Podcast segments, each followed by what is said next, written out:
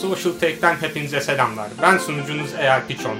Bugün yanımda içerik üreticisi Doğa Çakır var. Hoş geldin Doğa. Hoş bulduk, merhaba. Nasılsın? İyiyim, teşekkür ederim siz. İyiyim, teşekkürler. İçerik üreticiliği işi nasıl gidiyor peki? İçerik üreticiliği işi fena gitmiyor. Hem okulla hem ikisiyle bir şekilde uğraşmaya çalışıyorum. Ve e, kendi bir tanıtabilir misin? Tabii ki adım Doğa, Doğa Çakır. 21 yaşındayım, sinema ve televizyon öğrencisiyim. Bu sene İstanbul'a yeni yeni yerleştim. Daha fakültemde yeni aslında yeniyim bayağı. Ee, alışmaya çalışıyorum. Ya ikinci sınıf öğrencisiyim ama pandemiden dolayı geçen sene gelememiştim. Öyle ikisini birden şu anda sosyal medya okul ilerletmeye çalışıyorum. Fakültede nasıl gidiyor? Senin için keyifli mi orası? Epey keyifli. Zaten yıllardır tek istediğim okuldu neredeyse. En azından en çok istediğim okuldu.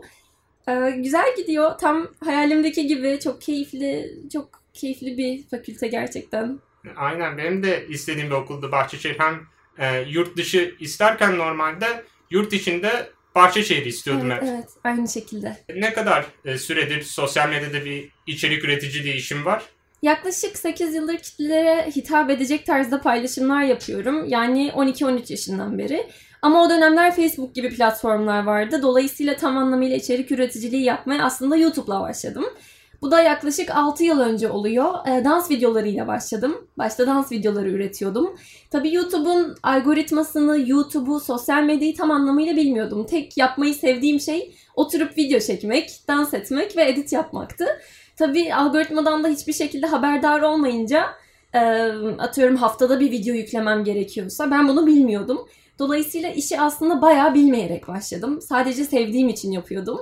Sonra zamanla tabii ki öğrene öğrene bir şekilde ilerliyor. Ben de bu konulara zaten ilgim var. Küçük yaşlardan beri özellikle video kısmına. Evet. Ee, öyle işte bilgisayarımın kamerasını alıp e, YouTube'a videolar çekiyordum.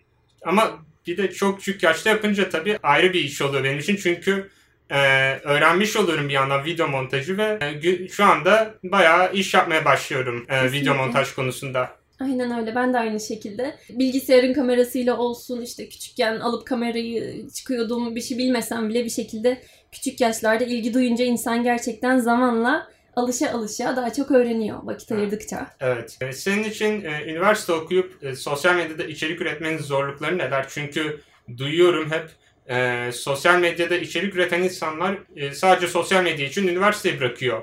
Evet, evet.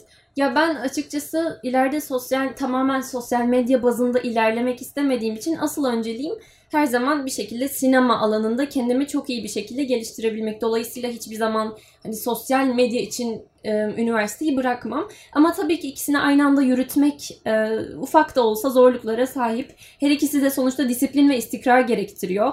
Ve bu yani bayağı bir vaktini ayırman gereken şeyler. Dolayısıyla kağıt kalem üzerinde bile olsa bir şekilde planlı plo- programlı ilerlemek gerekiyor.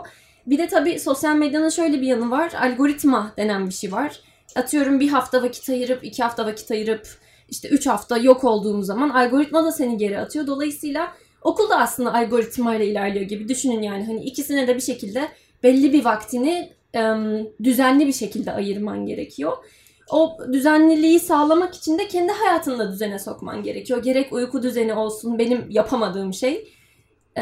Bir de tabii tüketimin de hızlı olduğu bir dönemdeyiz. Yani atıyorum final dönemlerim bile olsa bir şekilde benim hiçbir zaman o video çekim aşamasını bırakmamam gerekiyor. Sürekli vakit ayırmam gerekiyor. Çünkü artık hani bir video izlendi mi atıyorum 3 dakika sonra üre- em, unutuluyor vesaire. Dolayısıyla sürekli sürekli sürekli tüketim pardon üretim halinde olmam gerekiyor. Ama hem okuduğum bölüm hem de em, sosyal medya yaratıcılık gerektiriyor. Bu da iyi yanı tabii ki. Her ikisine de belli atıyorum işte e, sinema alanında kendi okuduğum bölüme bir şeyler üretirken, yaratıcı bir şekilde bir şeyler bulurken, video içeriği işte senaryo yazarken bu benim tabii ki sosyal medyamı da olumlu etkiliyor. Çünkü oraya ürettiğim yaratıcılığımla bulduğum şey sosyal medyaya da aynı şekilde aktarılıyor. Evet her şeyin temeli bu konuda içerik ve yaratıcılık. Yaratıcılık kesinlikle öyle. Çok etkiliyor birbirini ikisi. Tasarım yaptığımda da aynı şekilde benim önem verdiğim şey e, içerik. İçerik olmazsa olmaz e, bir kısım benim için her şeyde. Evet, evet. Sosyal medya dünyasında işte bu benim idolüm dediğin birisi var mı? Em, sosyal medyada sosyal medya içerik üreticileri arasında idolüm dediğim biri sanırım yok. Ee, çünkü çok fazla sosyal medya içerikleri üreten insanları fazla takip etmiyorum kendi arkadaşlarım dışında. Ama hepsini çok takdir ediyorum. Gerçekten çok güzel işler yapıyorlar.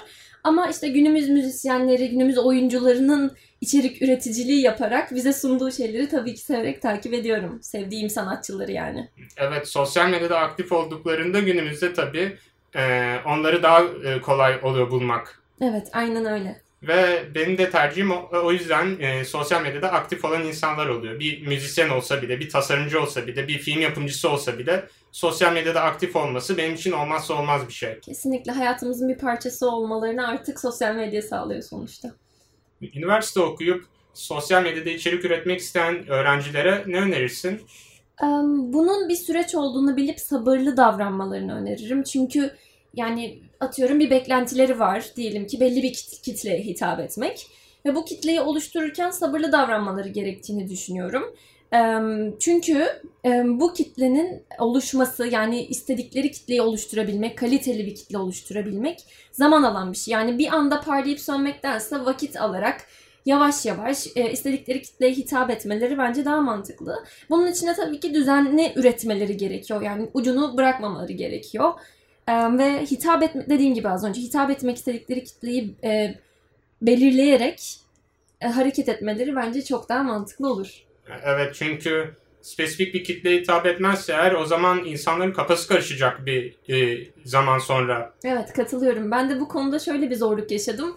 Ee, zorluktan ziyade aslında dediğim gibi başta da sosyal medyayı tam anlamıyla çözemediğim yaşlarımda 15-16 yaşında. Başta dans içerikleri üretirken daha sonra bir anda işte seyahat videoları üreteyim dedim. Daha sonra işte soru cevaplı şeyler yaptım. Hepsi birbirine karıştığı zaman tabii yine bir ana kitle oluştuğunda onlar her zaman izlemeye devam ediyor. Ama yine de bir şekilde başta e, ne yapmak istediğini bilmek bence daha sağlıklı olabilir. En evet, azından çünkü, başta yani. Çünkü senin söylediğin gibi böyle istisnai durumlar oluyor işte ana kitle gibi. Bazıları şey kemik kitle de diyor. Evet kemik kitle evet. Ha. Yani kemik kitle bir şekilde ürettiğiniz şeyleri izlese de insanların insanları takip etmek için yani içerik üreticilerini takip etmek için belli sebepleri oluyor. Dolayısıyla atıyorum işte kendimden örnek verdiğim gibi dans üreticiliği yaparken bir anda farklı bir şeye geçiş yapmak e, olumsuz etkileyebiliyor kitleyi. Dolayısıyla bence ne üretmek istediğini bilmekte fayda var. Yani hitap etmek istediğin kitleyi belirlemekte. Doğru çünkü e, böyle e, böyle şeyler genelde sosyal medyada olmazsa olmaz oluyor. Çünkü insanların kafasını karıştırmak yerine direkt spesifik bir yere yönelmek daha kolay olur aslında. Evet, evet katılıyorum.